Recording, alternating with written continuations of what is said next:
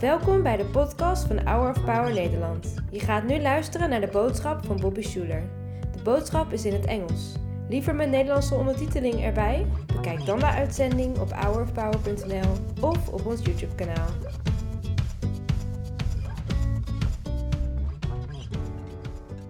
Jesus tells us the eye is the lamp of the body. If your eyes are good, your body will be full of light, but if your eyes are bad, your body will be full of darkness. What on earth does that mean? Sounds like some Greek philosopher or something, doesn't it?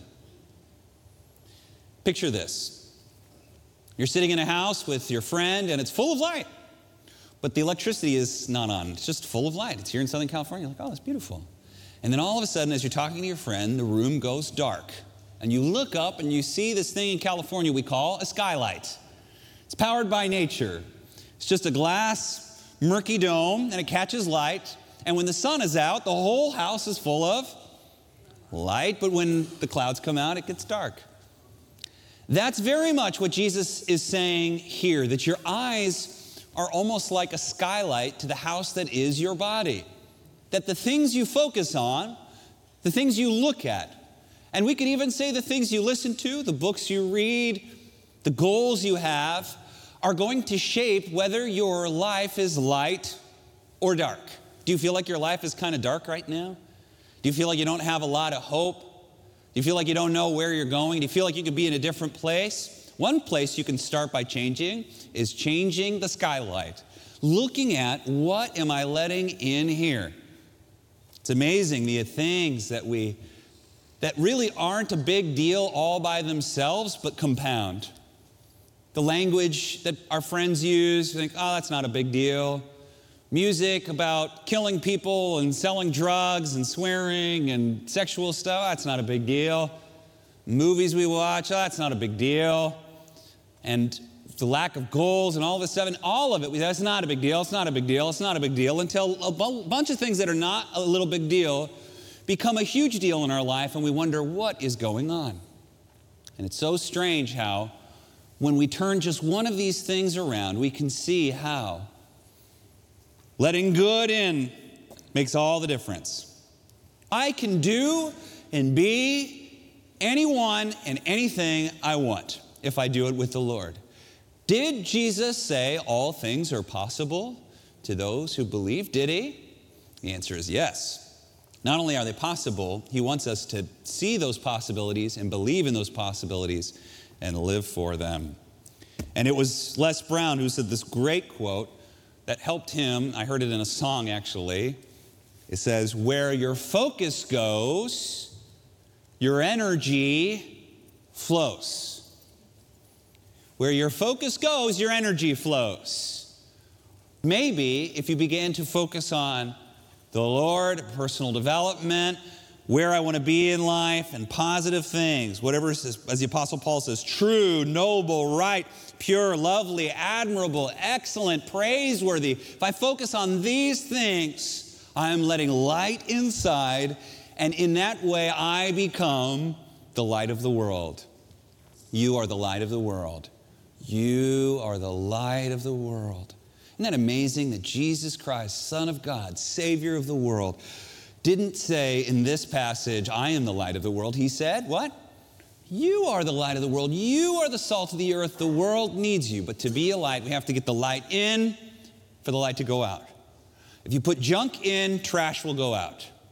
You put junk in, trash will go out. If you put light in, light will come out. Success will come out. Victory, opportunity, good friendships, good relationships, the whole kit and caboodle. You get heaven in, you get heaven out. That's it. And as Jesus said, heaven is what? Within you. What if that's true? You say, heaven's not in me. Well, maybe we can get heaven in you today. Can we get heaven in you today? Yes, we can. Yes, we can. And the way we get heaven in you is by changing our thinking. Now, this is what Paul tells us to do. Paul is an amazing man. If you haven't heard of him, he wrote many of the books in the New Testament. One of the books that he wrote is Philippians. The book of Philippians is called the Epistle of Joy. It's a book about joy, about how to be a joyful, happy person. And guess where Paul was when he wrote this epistle? He was in this place a dark, dungy cell. Look at that place. I know it's 2,000 years old, but can we all just agree that prison is bad today, but prison was probably worse 2,000 years ago? You sleep on some hay. I don't know what the toilet situation was. It wasn't good. And yet, Paul, who was there, was talking about how joyful he was, how joyful he was. Why was he joyful? Well, when Hannah read the scripture today from Philippians chapter 3, we see that the joy was set before him because he had a goal. The goal. The goal that was before him. Let's, re- let's look at this together. Philippians chapter 3, verse 12. Not that I've already obtained all this or already arrived at my goal, but I press on to take hold of that for which Christ Jesus took hold of me. Brothers and sisters, I do not consider myself yet to have taken hold of it, but one thing I do, forgetting what is behind, everybody say, forget what's behind. Can you control the past? You cannot control the past. You can't change the past. You can't do anything about it. But you can you can press on. You can just forget it and do what? Strain toward what is ahead and press toward a goal to win the prize for which God has called me heavenward in Jesus Christ. Can we just say today, Paul was paying a big price. He was in prison. He was maybe sick. He'd been, I mean, Paul, beyond prison, was shipwrecked, beaten, rejected, lied about uh, had ch- churches that he planted and poured into stolen from him. He was people betrayed him, and yet here he is, full of joy. Did Paul fake it? That's a good question. Did Paul fake it? I think the answer is no. I think Paul was actually a joyful. You know, joy means you laugh sometimes. Joy means you're smiling. Joy means there's stuff on your face that can be like, wow, there, he's pretty, he's pretty happy for being in a, in a prison. That's pretty happy guy. So, Paul, was Paul faking it? The answer is no. What did Paul have that we need today? He had a goal, he had a vision, he had a reason to get up in the morning. He was paying a price, but for Paul, it was worth it.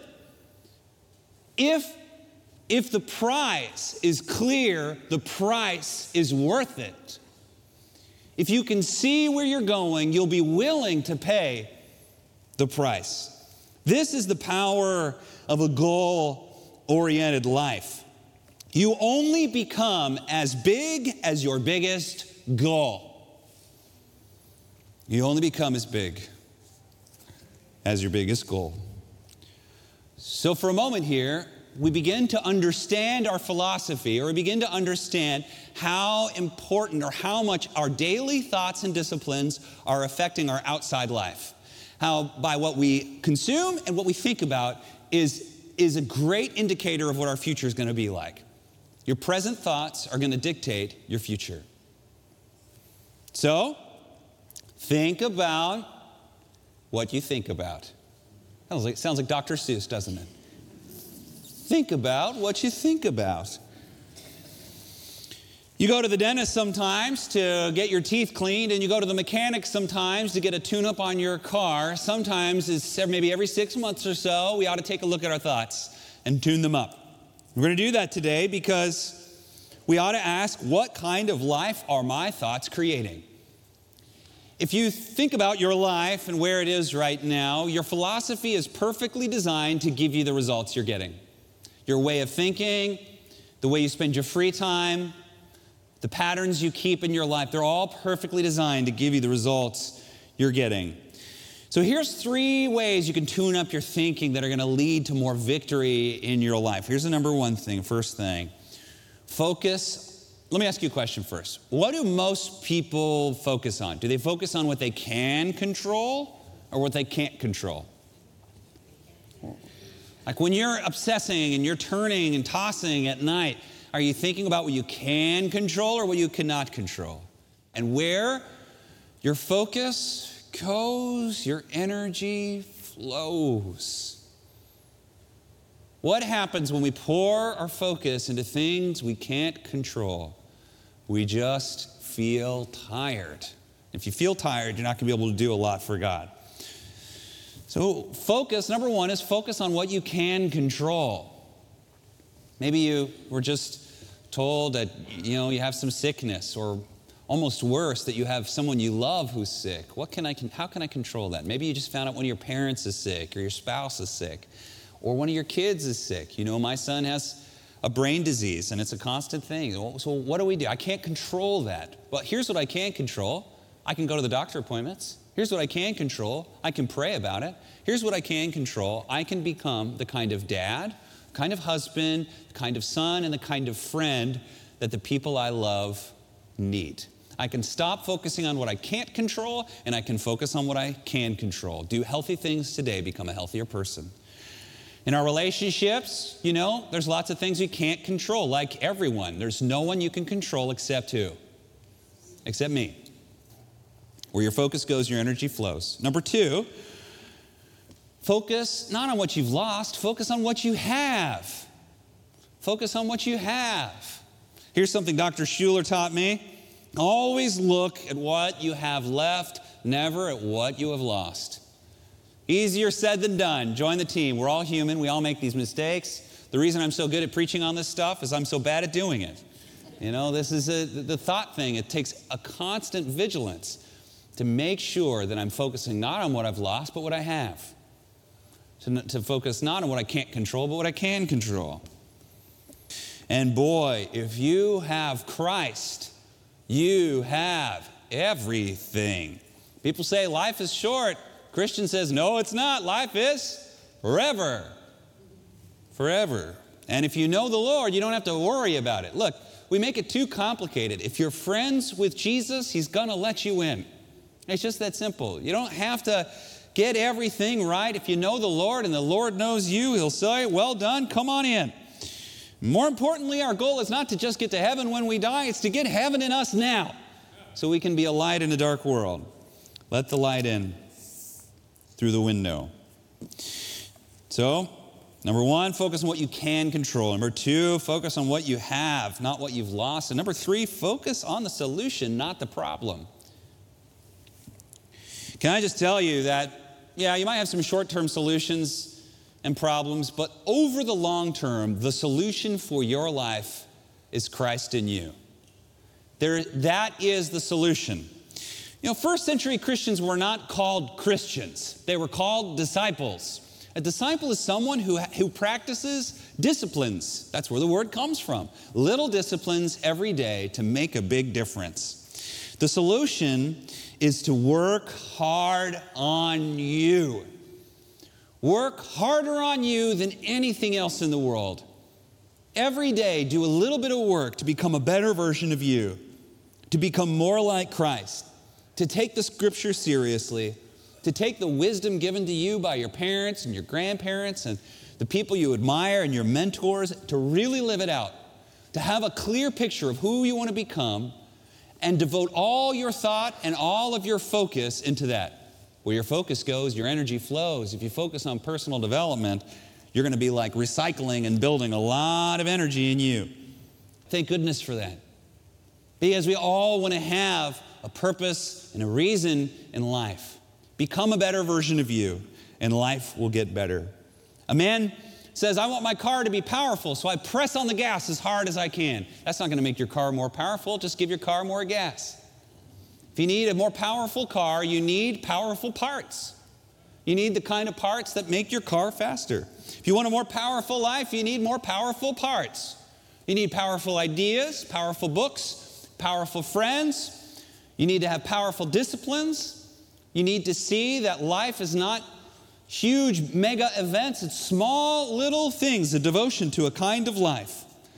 Where you stop saying to God, Lord, fix everything, and you instead say, Lord, fix me. Lord, fix me. Fix me.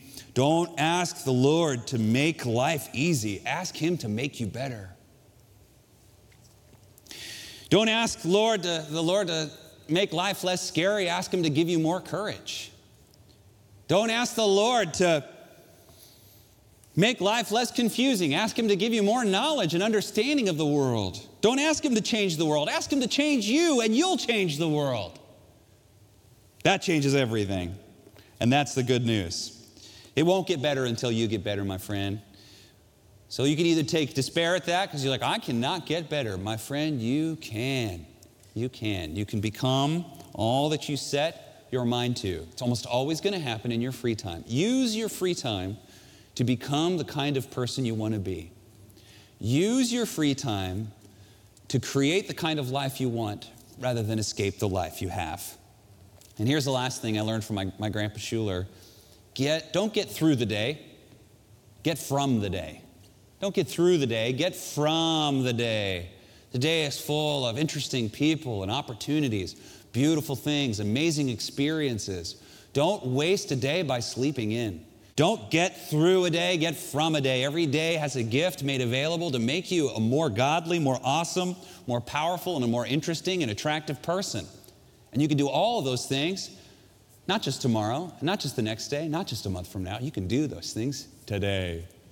That's good news. When I used to visit my grandpa Schuller's house, everything always happened in the kitchen for some weird reason. I think it's where the food was. You always enter and exit the house through the kitchen. And every time I left the house, I'd always make the same stupid mistake. I would say, Bye, Grandpa, have a, good, have a great day. And he would say, No! And it freeze, you know, like a deer in headlights. You turn and look, and he said, Make it a great day. And I said, All right, Grandpa, I will. I'll make it a great day. You can make it a great day today. You don't have to get through the day, you can get from the day. You can make it the kind of day you want it to be. Here's something you can do at the end of every day. Before you go to bed, you lay down in bed, you rest your eyes, you take some deep breaths, put, make sure your phone has been gone in another room. Just don't even have it. And pray ask the Lord to show you your day and just do like a football rewind of your whole day, you know, going from beginning to end, the people you met, the things you learned, the positive and negative experiences you had, your high, your low, things like that. Think through the day, and you will get so much more out of your day. You'll carry the previous day into your next day, and you'll see things will get better. Lord, we ask it in Jesus' name to give us the kind of focus, whatever is good and noble and praiseworthy and pure and excellent, all of these things. We, we want to see those things. Lord, we ask that you develop us into the kind of people you want us to be. Thank you, God, that we always change. And we choose today to change the people you want us to be. Lord, we love you and we thank you. It's in Christ's name we pray. All God's people said, Amen. Bedankt voor het luisteren naar de podcast van deze week. We hopen dat deze boodschap jou heeft bemoedigd. Wil je meer weten over Hour of Power of dagelijkse bemoedigingen ontvangen? Ga dan naar www.hourofpower.nl.